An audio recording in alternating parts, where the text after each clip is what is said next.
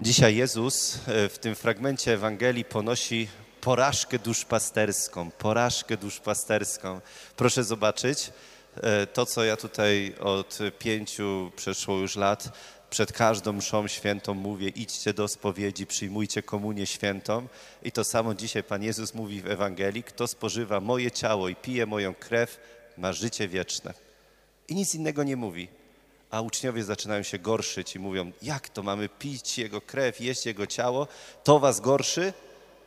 I wielu przestało za Nim chodzić, bo nie wyobrażali sobie, o co w tym wszystkim chodzi. My oczywiście y, w głębszym aspekcie to rozważamy, że nie chodzi tylko o fizyczne spożywanie ciała i krwi Pana Jezusa, ale chodzi też o uwolnienie swojego serca od grzechu że człowiek jest tak przywiązany do swojej grzeszności, człowiek tak bardzo przyzwyczaja się do swojego stanu, że sam siebie oszukuje i mówi: Nie chcę wyzwolenia z tego, później się wyspowiadam, jeszcze troszkę tak pożyję sobie, a może jak przyjdzie taka uroczysta chwila, tak się uroczyście przygotuję do spowiedzi świętej, to wtedy przyjdzie wyzwoleniu.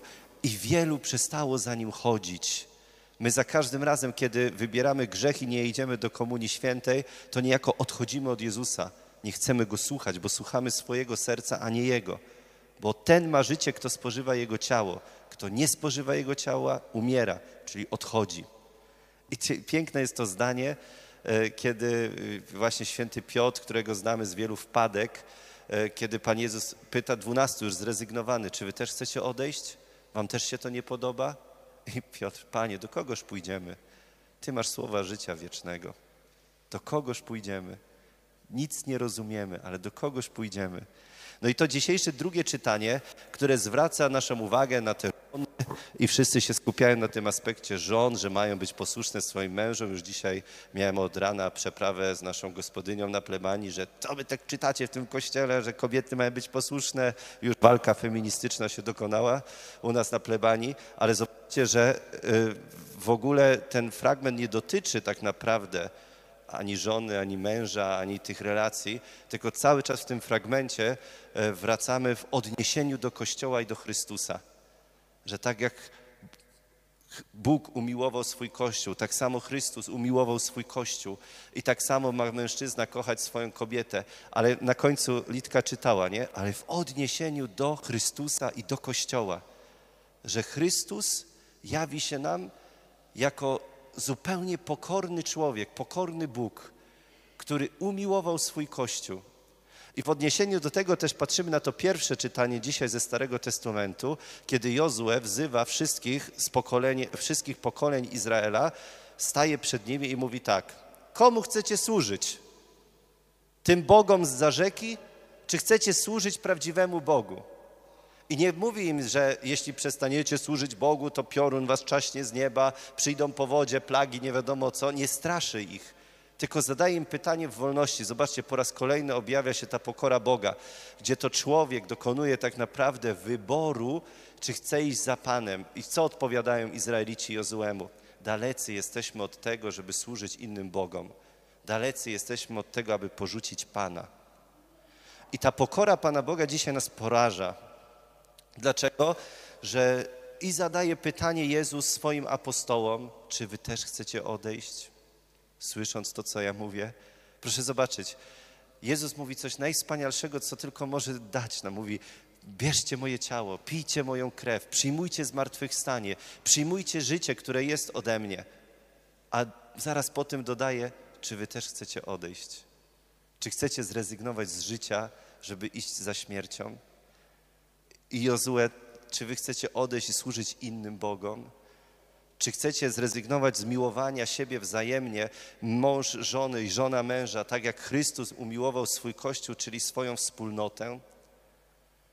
Patrzymy na Jezusa, bo wokół Niego praktycznie wszystko się w Kościele skupia i tylko na Niego patrzymy.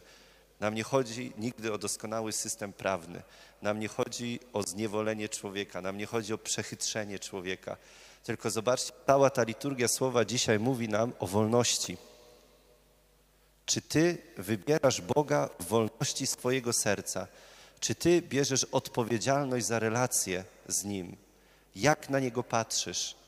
Czy On jest dla ciebie ważny, czy mało ważny? Czy On jest dla ciebie na pierwszym miejscu, czy może jest gdzieś daleko, bo wybrałeś innych bogów?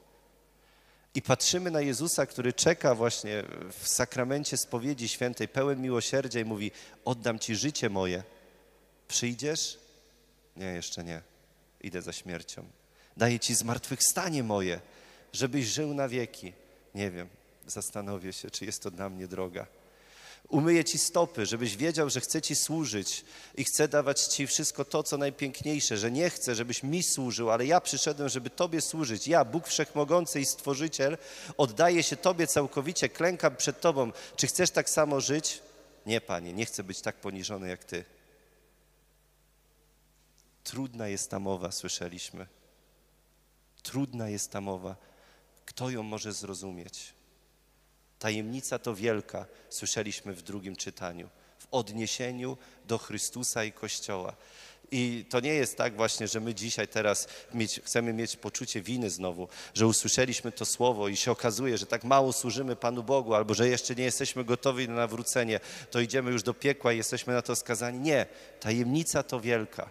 Trudna jest ta mowa, ale nie jesteśmy tu po to dzisiaj, żeby znaleźć rozwiązanie i żeby od razu z receptą wyjść i, i, i, wiedzieć, jak mamy postępować, ale jesteśmy tu po to, żeby myśleć. Jesteśmy tu po to, żeby rozważać. Jesteśmy tu po to, żeby medytować.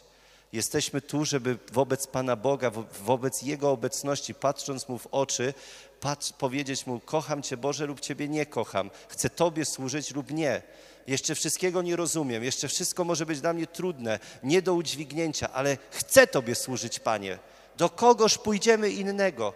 Kto nam może dać życie oprócz Ciebie, Panie? Ty masz słowa życia wiecznego. A myśmy uwierzyli i poznali, że Ty jesteś Zbawicielem świata. Zostajemy z tymi myślami i zostajemy z tym liturgią słowa dzisiaj. Wezwani na zgromadzenie przez Jozułego, przez Boga, wo, wobec pytania, które zadaje nam Chrystus, czy wy też chcecie odejść, chcemy Go umiłować i tak ściśle się z Nim zjednoczyć, aby ta miłość niosła nas jak na skrzydłach. Abyśmy wiedzieli, że za każdym razem, kiedy upadniemy, że On jest z wyciągniętymi ramionami, pełen pokory, czekający na nas, abyśmy przyszli i wybrali życie, a nie śmierć.